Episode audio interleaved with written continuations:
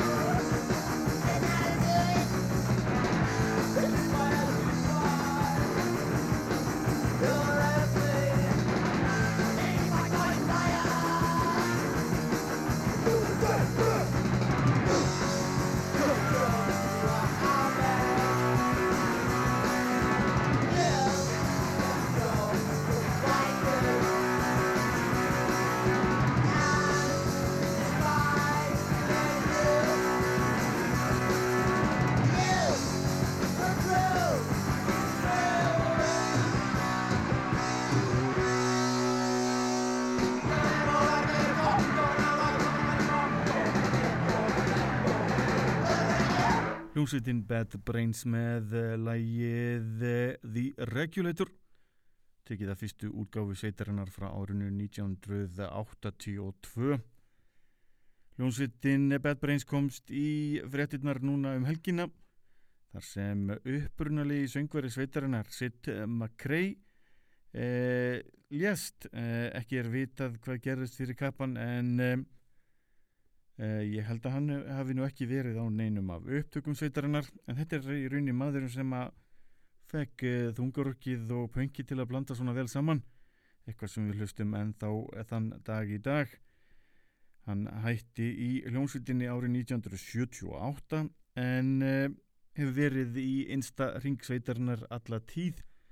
Eh, blessu sé minning hans en frá þessu fína bandi Bad Brains fyrir við yfir til íslensku hljómsveitarnar Cult of Lilith þetta er hljómsveit sem var að senda út blötuna Mara núna ekki alls fyrir lengu og heimirinn við staka vel í sveitina hlustum á gott íslenskt þungurokk hér er Cult of Lilith með lægið Profeta Paloma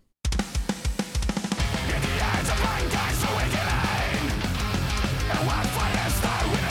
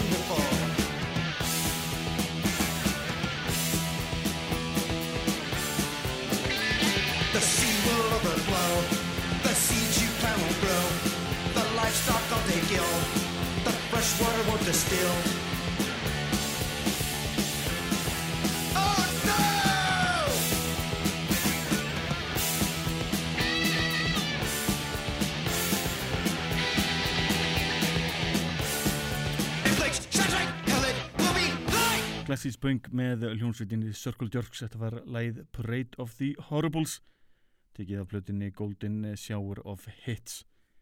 En ég er búin að vera að hlusta á frábara hljóðbók um sögu hljónsvitarinnar Bad Religion. Sveitin var að gefa út heljarinnar eh, sögu eh, sveitarinnar sem ég ráleg öllum aðdándum rock tónlistar að kynna sér.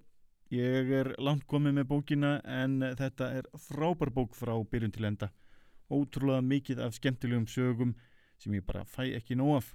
Það liði ykkur að njóta þess eh, spila hérna nokkur eh, skemmtilega lög eh, með þessari frábæri hljómsveitir röð. Hér heyru við stórgótt samansöfn laga hljómsveitirnar Bad Religion. Þetta eru fergar stutt lög sum þeirra gefin út árið 1981 sum þeirra 2004 eitthvað þar inn á milli hljómsveitin Bad Religion. I had a friend who kept a candle in his pocket. He used to touch it when the way was on.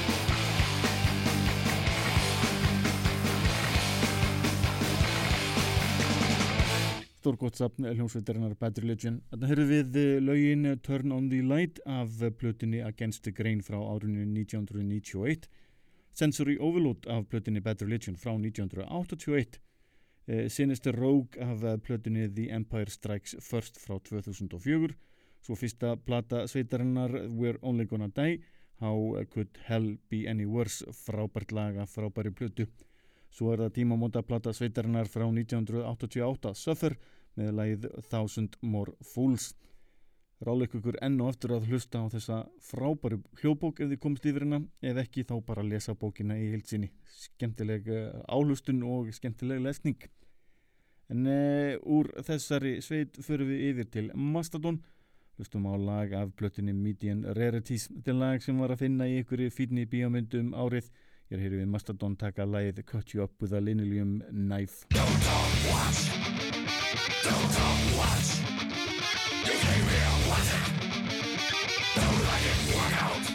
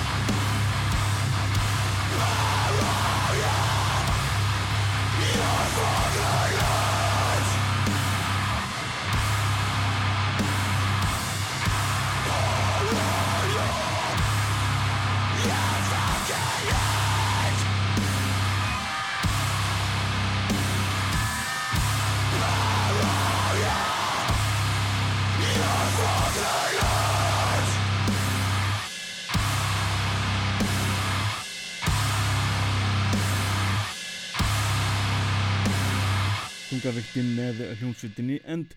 Tekið af plötunni Splinters from an Ever-Changing Face það var lagið The Pariah en rómutan hýður og hlustum á körkmeistara Weinstein sem er eh, forsprakki hljómsveitarinnar Krópar og er einnig komin aftur í hljómsveitina Down eftir eh, smá fjárveru það sendi frá sér eh, plötuna Dream in Motion í byrjun ársins og hér hlustum við á lagið Enemy in Disguise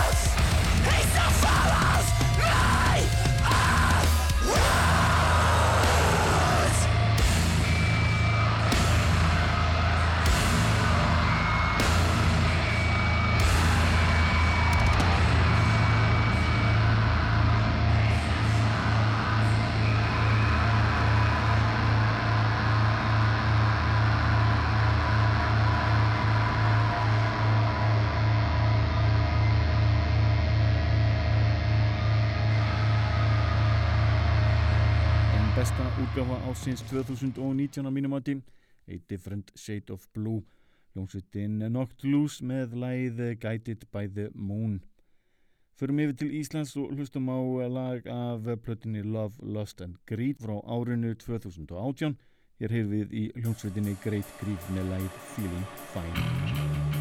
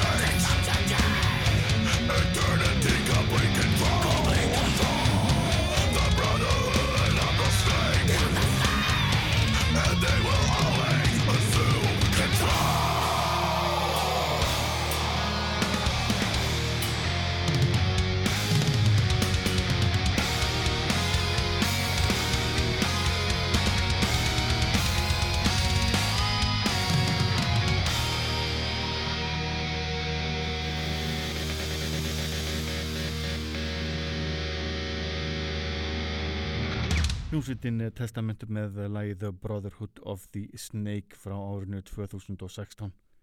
Til hljómsveit sem að maður ætti nú ekki að fá nóg af og það virðist bara ekki vera hægt því að hún er enn að standa sig laka til að heyra nýjustu upptöku sveitarinnar. E, þeir eru vist búin að jafna sig á COVID-19, fengu það flestir í sveitinni. Held að þeir hafi nú náða að taka eitthvað efni upp eftir það og vonum bara að það sé jafn skemmtilegt og síðustu úrgáfur.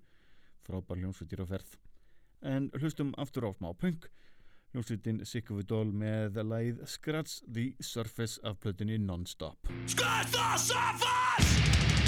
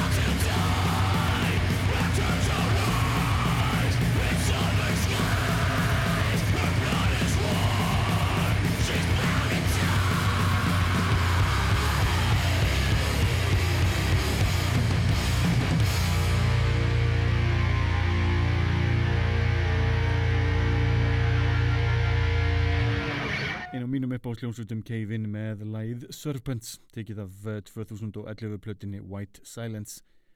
Þetta er eina betri plötum sveitarinnar og ef þið fíluðu þetta, tjekkið þá Cave-In fullt af eh, lögum með sveitinni á Spotify og öllum þessum veitum um allan heim, eitthvað sem enginn má missa. En fyrir miður í smá nýtt, hlustum á hljónsveitina Filth taka nýtt lag af nýjustu plötu, þetta er lagið Lesson Learned. Victims, aren't we fucking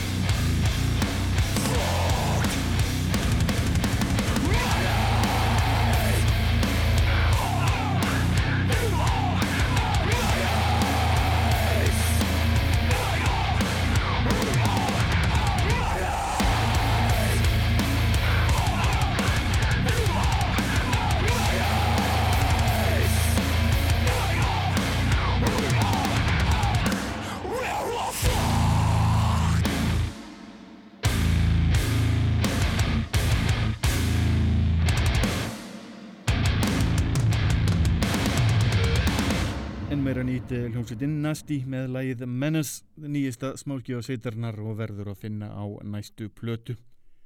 En ég ætlaði að spila eitt lag áður en ég enda þáttinn með stæl. Hljómsveitin Eskimo Callboy var að senda frá sér eh, plötuna MMXX sem er fimmlaga skífi ef ég mann rétt. Veit ekki hvort ég sé að gera ykkur greiða eða ólán. Hlustum hér á lagið MC Thunder 2, Dancing Like a Ninja.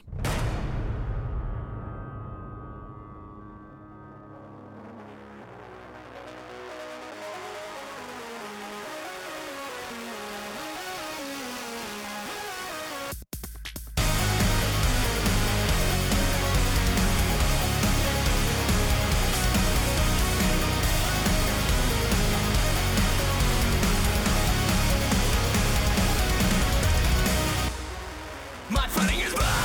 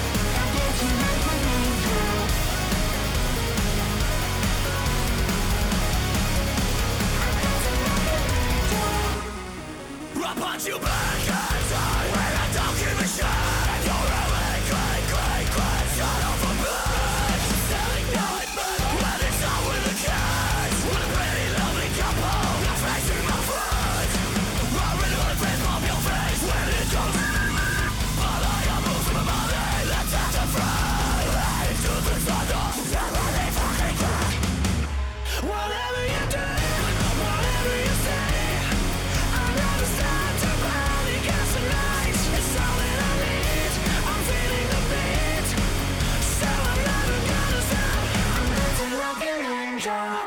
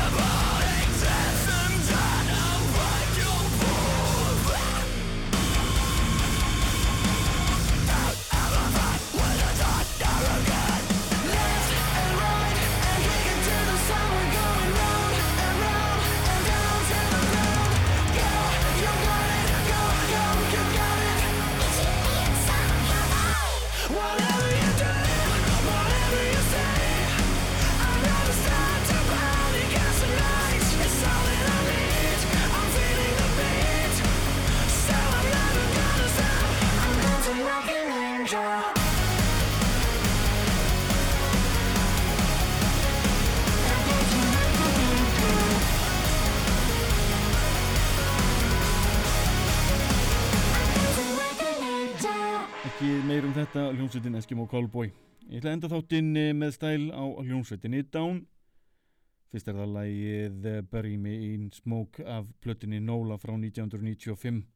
Svo er það lagið N.O.D. af eh, plötunni Over the Under frá 2007 og endur mynda svo á Witch Tripper smáskifinni frá árinu 2012. Þannig til næst, verið í sæl.